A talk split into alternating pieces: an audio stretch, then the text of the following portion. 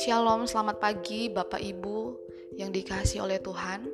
Puji Tuhan, kita bersyukur hari ini kita ada lagi kuat, sehat, kita masih bisa menikmati hari yang baru semua karena berkat Tuhan. Pagi ini kita akan kembali bersama-sama merenungkan firman Tuhan. Masih dari kitab 2 Tawarik dan saat ini kita sudah sampai pada 2 Tawarik pasal yang ke-8.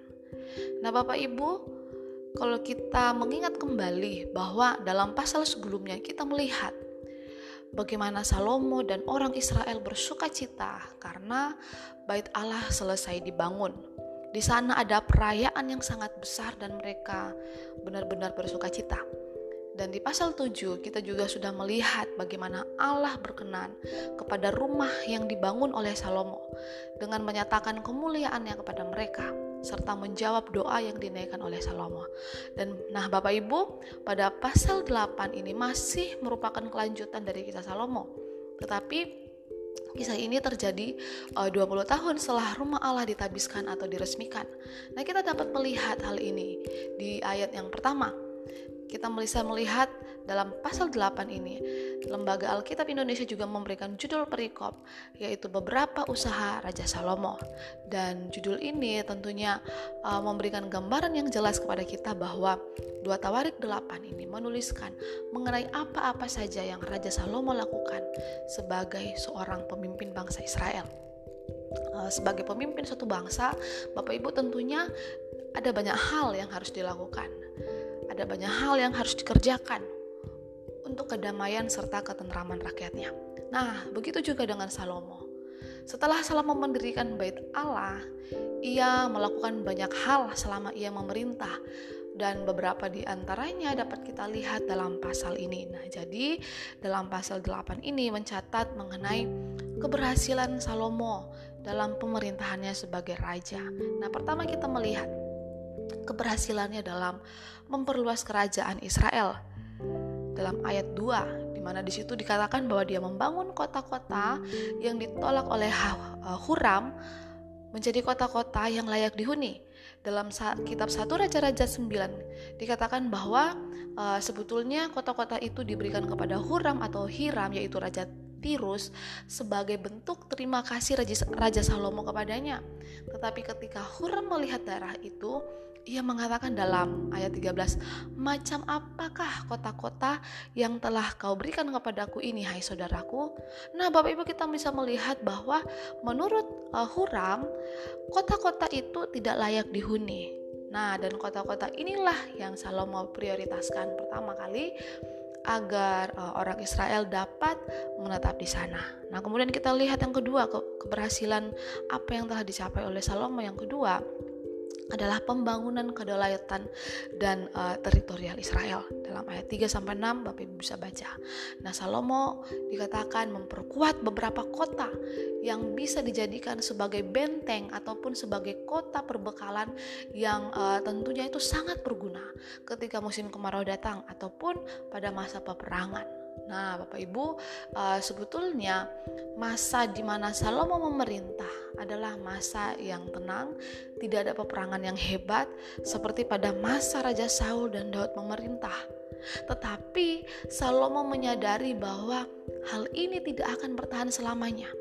Karena itu, dia mempersiapkan semuanya dengan baik.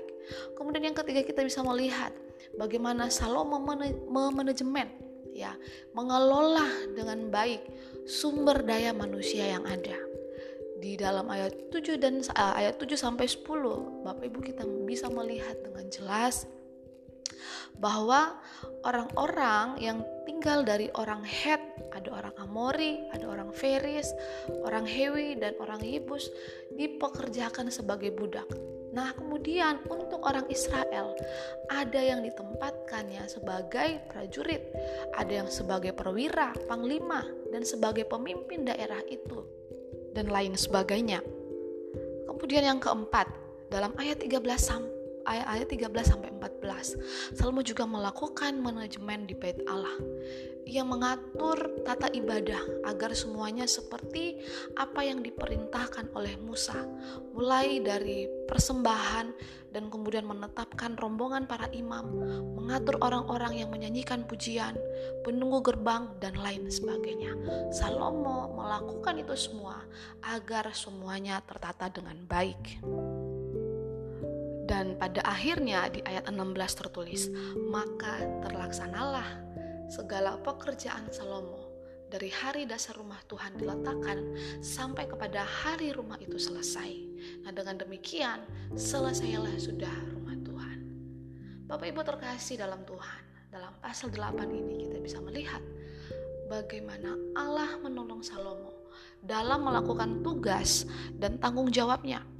Salomo berhasil dalam usaha-usahanya, dalam berbagai bidang, itu semua karena penyertaan Tuhan dan pertolongan Tuhan. Salomo berhasil merampungkan pembangunan wilayah Israel, bahkan tata ibadah bait Allah. Tidak hanya itu, saudara-saudara, Salomo juga menyadari mengenai pernikahan politisnya yang salah di mata Allah. Nah, itulah sebabnya dalam ayat 11 dikatakan Salomo memindahkan istrinya dari kota Daud, tempat tabut Allah disimpan, ke istana khusus yang ia dirikan.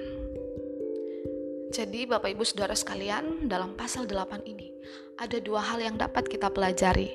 Yang pertama, sebagaimana Allah menyertai sampai akhir pembangunan bait Allah yang merupakan kehendak Allah, demikian juga dalam kehidupan kita saat ini. Bahwa Allah akan menyertai dan menolong kita sampai akhir jika pekerjaan kita itu sesuai dengan kehendak Allah. Apa pun pekerjaan yang Tuhan percayakan kepada kita, ingatlah untuk selalu mengerjakannya dengan tepat sasaran, yaitu sikap yang sesuai dengan kehendak Tuhan. Nah, ingat prinsip ini di dalam kitab Kolose pasal 3 ayat 23 yang mengatakan, apa pun juga yang kamu perbuat, perbuatlah itu dengan segenap hatimu, seperti untuk Tuhan dan bukan untuk manusia. Sekali lagi Bapak Ibu Saudara sekalian bahwa biarlah segala sesuatu yang kita kerjakan apa pun yang kita sedang uh, lakukan pada saat ini, kiranya semuanya itu sesuai dengan kehendak Allah. Kita sudah banyak belajar, kita sudah banyak mendengar firman Tuhan, apa yang benar, apa yang sesuai dengan kehendak Allah, dan apa yang bertentang, bertentangan dengan kehendak Allah. Nah, kiranya kesadaran ini akan selalu mengingatkan kita bahwa apa pun yang kita kerjakan, kiranya itu semua sesuai dengan kehendak Allah. Yang kedua, sebagaimana Salomo menghormati Allah dengan menjaga kekudusannya, hendaknya kita pun demikian, senantiasa menghormati kekudusan Allah dalam segala aspek hidup kita. Sebagai orang Kristen, saudara-saudara, ada aturan main yang harus kita ikuti dan aturan main itu semua tercatat di dalam Alkitab. Kita menyadari bahwa Allah yang kita sembah, bahwa Allah yang kita ikuti saat ini adalah Allah yang kudus. Oleh sebab itu kita pun anak-anak Tuhan, orang-orang percaya di mana pun kita berada pada saat ini, kiranya juga kita menghormati Allah yang kudus dengan kita menjaga kekudusan hidup kita akan banyak hal yang akan kita uh, temui di dalam dunia ini. Sebab dunia ini tercemar dengan dosa. Sebab dunia ini juga adalah dunia yang tidak kudus dan kita masih hidup di dalam dunia ini sehingga ada banyak hal yang akan berusaha untuk mencemari pikiran kita, mencemari hati kita, mencemari iman kita.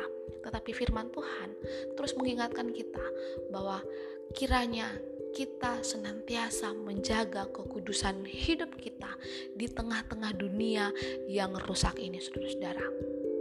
Nah, dengan kekuatan daripada Tuhan, dengan doa sungguh-sungguh kepada Tuhan, meminta iman yang terus diteguhkan, maka Allah akan memampukan kita oleh roh kudusnya untuk hidup sesuai dengan kebenaran firman Tuhan.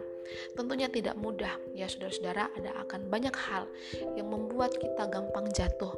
Tetapi ketika kita terus berpegang kepada Tuhan, maka Tuhan akan senantiasa menuntun kita dan akan terus berbicara dalam hati kita. Hal-hal apa yang harus kita kerjakan. Nah, jadi Bapak Ibu, inilah renungan yang bisa saya sampaikan pada hari ini. Kiranya kita akan terus mengingat bahwa apa pun yang kita kerjakan, biarlah semuanya itu sesuai dengan kehendak Tuhan. Dan yang kedua, bahwa kita harus senantiasa menjaga kekudusan hidup kita. Puji Tuhan, Tuhan memberkati. Shalom.